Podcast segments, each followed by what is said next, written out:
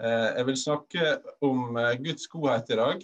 Og jeg fikk som utfordring at vi skulle ta utgangspunkt i den samaritanske kvinnen, Og det er Jesus sine møter med ulike mennesker. Så eh, jeg vil komme inn på den og se litt hva vi kan lære av den, jeg også. Eh, Gud han er en god gud, og godhet har et utgangspunkt. Og slik som jeg ser det, som er alltid godhet utgangspunktet i Gud. Og Det handler om å motta Guds godhet. Hvis vi skal få lov til å ta imot Gud, så kan vi motta Guds godhet. Sånn at Vi kan aldri gi videre noe som vi ikke har. Så Hvis vi har opplevd mye vondt i livet, så er det vanskelig å gi videre godhet. Men du, eh, du kan ikke gi videre noe som du ikke har sjøl. Eh, og da er det sånn at det, eh, I forhold til Guds godhet så er det viktig at vi forstår hvem Gud er, og hva Han vil gi til oss. Og det Gjennom det å lære om Gud, lese Bibelen, lære om Jesus Kristus, hva han gjorde på jorda, så er det det som vi får lov til å gi videre. Eh, hvem Gud er og har sin karakter, det blir ikke definert ut fra våre omstendigheter. Vi kan ha et liv som eh, kan være vanskelig til tider. Det kan være tøft i forhold til jobb, i forhold til familie, i forhold til venner, i forhold til økonomi. Mye forskjellig. Men eh, selv om vi opplever motgang, og vi kan ha det tøft i jobb- og familiesammenheng, så vil aldri Gud forandre seg. Han er ikke en skiftende syke. Gud er, han vil alltid være han alfa og omega. Han er fredsfyrste, han er evig Gud, han er vår far. Han er en som eh, vil oss bare godt. Han har en plan for vårt liv. Han har en plan for hvert enkelt skapning som han har skapt. Helt unikt. Eh, Gud, han, Gud han er god, uansett. Og han ønsker å gi oss av sin godhet. Og Dette er utgangspunktet for eh, dagens tale, der skal vi se litt på det gjennom den samaritanske kvinna. Eh, jeg skal starte med disse bibelversene her. Johannes 3, 16-21. For så høyt har Gud elska verden, at han ga sin sønn den enbårne, for at hver en som tror på han, ikke skal gå fortapt, men ha evig liv. Gud sendte ikke sin sønn til verden for å dømme verden, men for at verden skulle bli frelst ved ham. Den som tror på Han, blir ikke dømt. Den som ikke tror, er allerede dømt fordi han ikke har trodd på Guds enbårne sønns navn. Og dette er dommen. Lyset er kommet til verden, men menneskene elsker et mørk høyere enn lyset fordi deres gjerninger er bare onde. Og det som gjør det onde, hater lyset og kommer ikke til lyset, for at hans gjerninger ikke skal bli avslørt. Men den som følger sannheten, kommer til lyset, så det skal bli klart at hans gjerninger er gjort i Gud. Eh, Johannes 3, 17, som, eh, så står det her at Gud sendte ikke sin sønn til verden for å dømme verden, men for at hver en som tror på han skal bli frelst. Gud sendte sin sønn til jorda for at vi skulle få lov til å ta imot han og ha sitt frelsesverk. Man skulle tro at eh, mennesker har levd på jorda i mange år har gjort mye synd, og du trengte en dommer som skulle komme for å dømme hvem som hadde synda mest. Men slik var det altså ikke.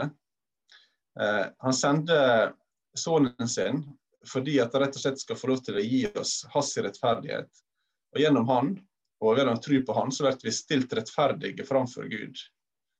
Og det er slik at Jesus han står framfor oss, og eh, når vi kommer til domstolen i himmelen, så er han eh, vår sin talsmann. Og vi, Han stender framfor oss, og gjennom han så er vi gjort rene og hele pga. Jesus Kristus. Eh, for den som gjør det onde, hater lyset og kommer ikke til lyset, for at hans gjerninger ikke skal bli avslørt. Men den som følger sannheten, kommer til lyset, så det skal bli klart at hans gjerninger er gjort i Gud. Jesus han er sannheten. Det er slik at Eh, på engelsk oversettelse så sier når Jesus taler i Bibelen, så sier han alle tider I'm telling you the truth. Eh, det er slik at eh, på nynorskoversettelsen så sier vi 'sannelig, sannelig sier jeg dykk'. Som kan være litt vanskelig å forstå av og til. Sannelig, sannelig sier dykk, eller enklere sagt, sannheten sier deg. Så det som Jesus vil, og det som han sier, det er alltid sannhet. Så I'm telling you the truth. Sannheten sier de. Og Her kommer vi litt videre da, på betydninga til ordet frelse. Eh, hvis at vi forstår betydningen av frelse, som er et eh, avansert ord, så også hva det Gud sin oppdrag, eller hva Jesus sitt oppdrag var på jorda, så var det altså for å frelse verden som kom, at vi skulle bli frelst ved Han. Og hva er da frelse? Eh, vi har hørt denne frihalsa, at vi blir eh, frikjøpt pga. Han. Men det greske betydninga av frelse, da, verbet frelse, altså å frelse, gresk soso, betyr da å frelse, å befri, å beskytte, å helbrede, å bevare, å redde, å gjøre frisk, å bli eller gjøre heil. Og så er vi substantivet frelse, altså ei frelse, fra greske soteria, som er da ei redning, ei trygghet, en befrielse, ei helse og frelse. Eh, hvis vi får lov til å, la disse ordene få lov til å synke i oss, så er det eh, Og vi kan tenke oss at det frelse da, i grunntekster kan bytte ut noen av disse setningene som vi er veldig kjent med. F.eks. Efesene 2.10. Av nåde er dere frelst ved tru. Det er ikke deres eget verk, men det er Guds gave. Eh, og da det, kan vi ta og bytte ut begrepet frelse. da. F.eks. av nåde så har du god helse. Det er ikke ditt eget verk, men det er Guds gave.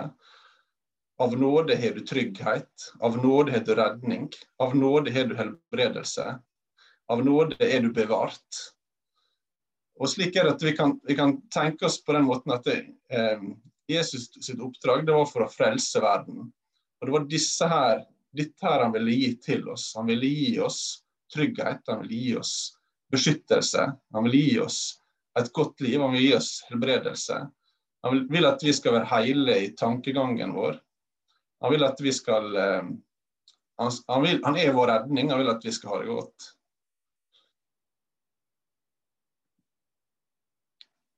Så denne samaritanske kvinna da, hun forklarte han Eivind veldig godt litt om Samaria og den historien. Så jeg, jeg eh, var tenkt å si litt mer om det. Jeg skal gjøre det.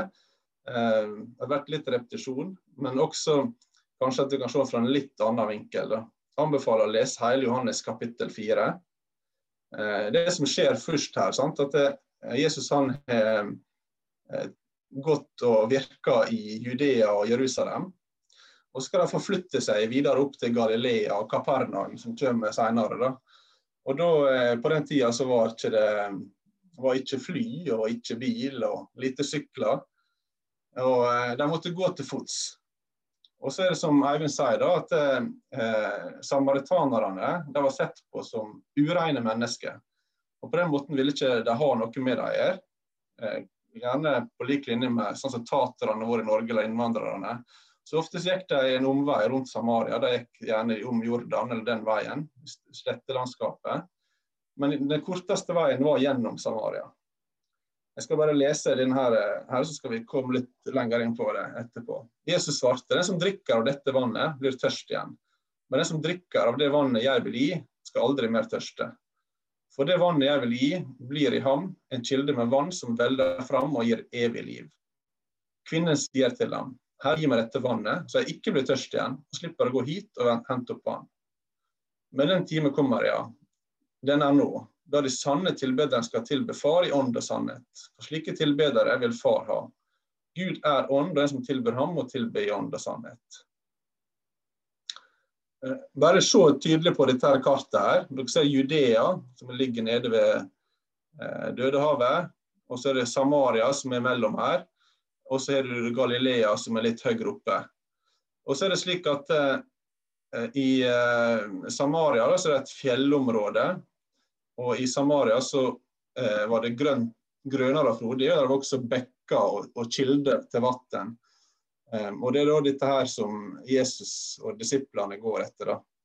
Eh, disiplene ble sendt inn til byen for å, å uh, kjøpe mat eller handle mat eller få mat på et eller annet vis. Og Jesus satte seg ned og møtte denne kvinna. Uh, Eivind forklarte det på en veldig god måte. Det, Jesus han var jøde, hun var samaritan. Eh, de fleste jødene likte ikke samaritanerne. Det var som et hatforhold mellom dem. Eh, men det som Jesus viser her, da, Altså han, han, viser at han er glad i alle mennesker. Han møter alle mennesker med respekt.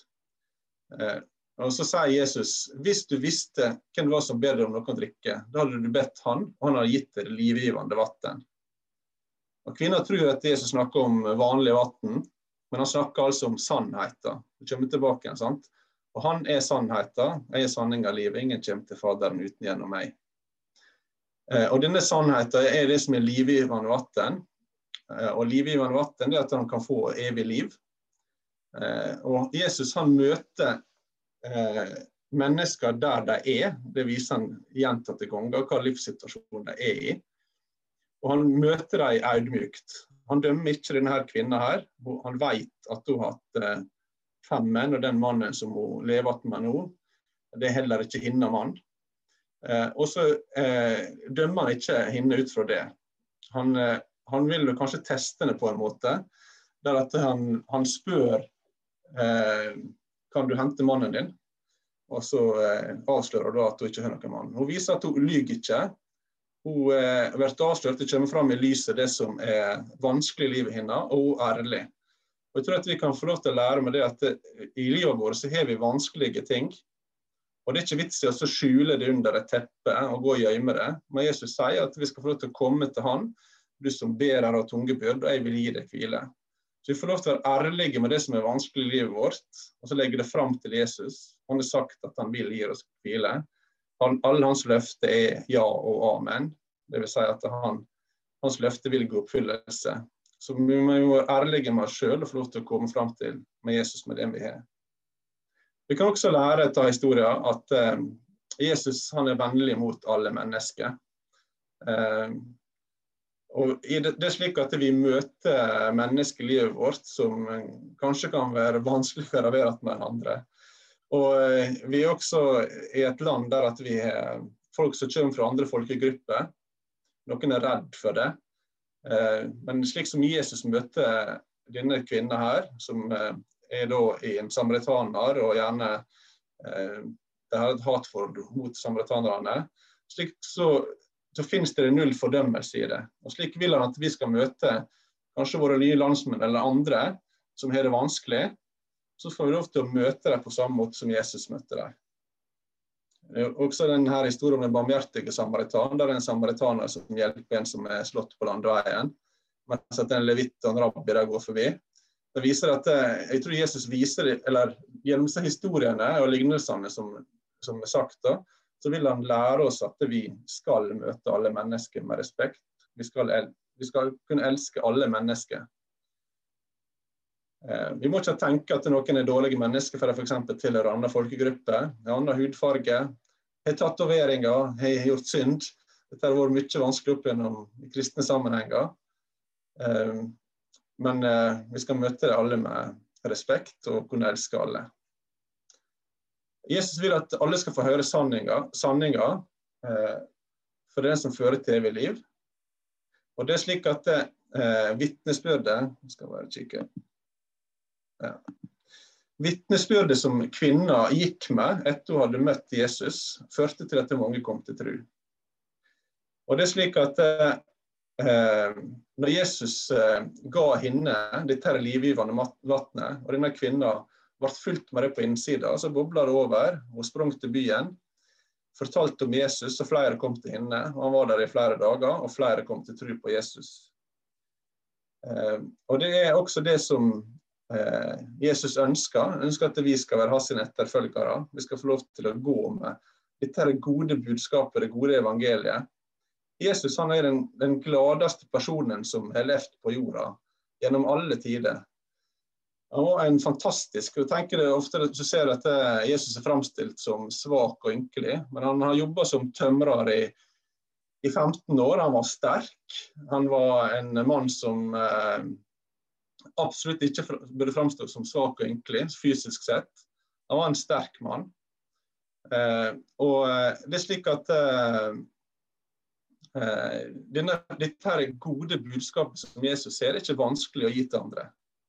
Når vi sier at det er vanskelig å være kristen, eh, så vil jeg si at det er absolutt feil. Det er enkelt å være kristen. Det er det beste budskapet vi kan få lov til å ha, og det beste budskapet vi kan få lov til å gi videre.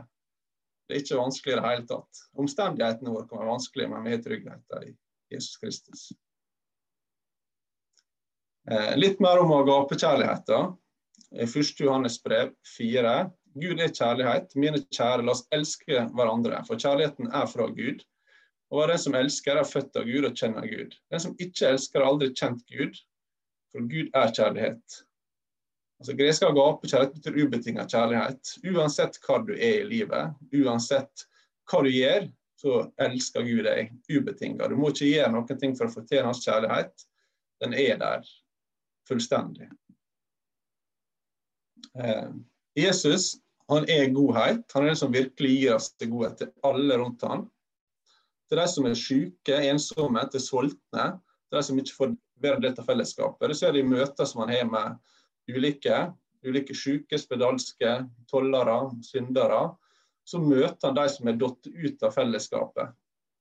Eh, han møter dem med respekt, og de får forvandla livet sine pga. møtet med Jesus.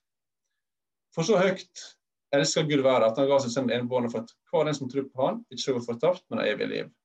Dette det roper om godhet, den absolutte godhet. Gud som sender sønnen sin for at vi skal tro på han, få ta del i hans frelse, ufortjent og pga. hans nåde, så kan vi få lov til å ta imot hans frelse. Første Johannes brev 3,16. Hva kjærlighet er, har vi lært av Jesus, som ga sitt liv for oss. Så skylder vi også å gi vårt liv for våre søsken. Eh, men den som har mer enn nok å leve av, og likevel lukker sitt hjerte, når han ser sin blir nød, hvordan kan han ha kjærlighet i seg? Eh, vi, å gi vårt liv til våre søsken Vi har fått livet i gave med Jesus Kristus. og Jeg tror det er det livet han vil at vi skal gi videre. Altså sannheten om Jesus Kristus.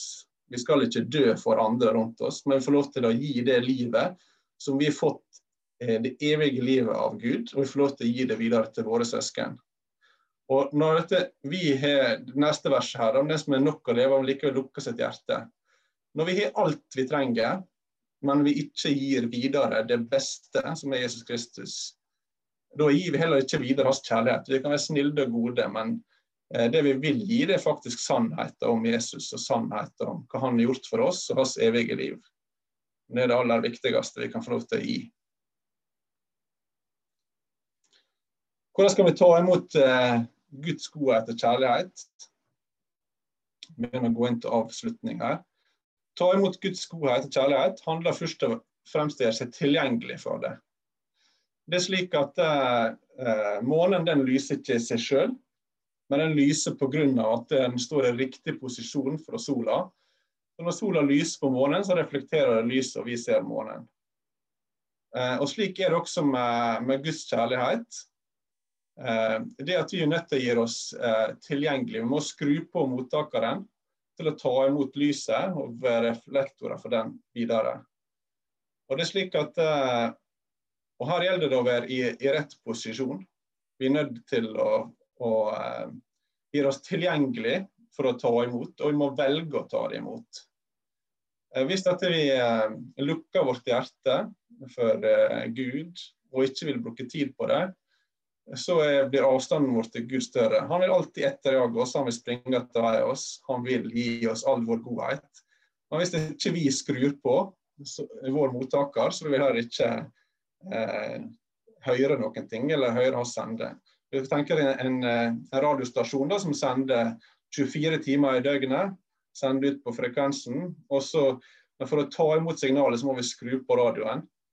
Og Da er vi nødt til å ha på rett kanal også, for å kunne ta imot det som er sendt på de frekvensene. Det var lett på FM å bruke det bildet her.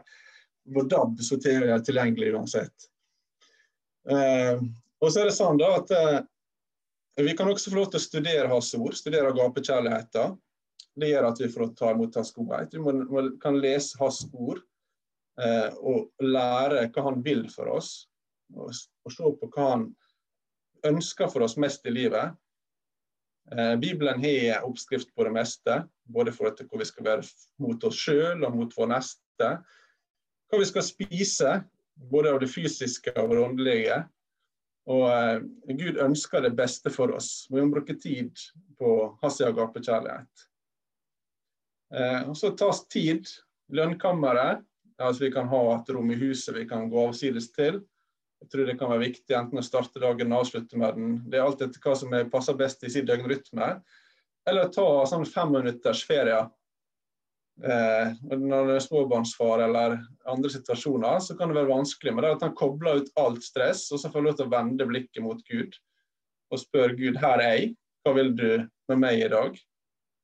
Eh, andre situasjoner kan vi bare ta imot hvis det er midt en utfordring. Så vil Gud ofte gi oss en tanke. Og hva vi, hva vi skal gjøre. Kanskje han gir oss et ord eller et bilde som gir løsninger på det. Men vi må skru på senderen og gjøre oss tilgjengelig til det. Um, og Det er ofte sånn at ja, uh, Hvis vi leser Bibelen, da, så kan det være det kan være mye å bare lese Bibelen uten å høre at han taler til oss. Men jeg tror det at å starte å lese et kapittel, og så når du får en tanke rundt det verset du leser, så stopper han opp. Og så lar Gud få lov til å tale direkte inn i det ordet. Da trenger ikke å lese mer, da kan vi legge det fra oss. For da har han faktisk talt til oss. Um, så er ikke sånn at man må pløge gjennom uh, mange kapittel. Um, men han kan få lov til å tale gjennom de versene som, som, står der. For alt, alt av hans ord er levende, og Hellige Ande vil gjøre det levende for oss.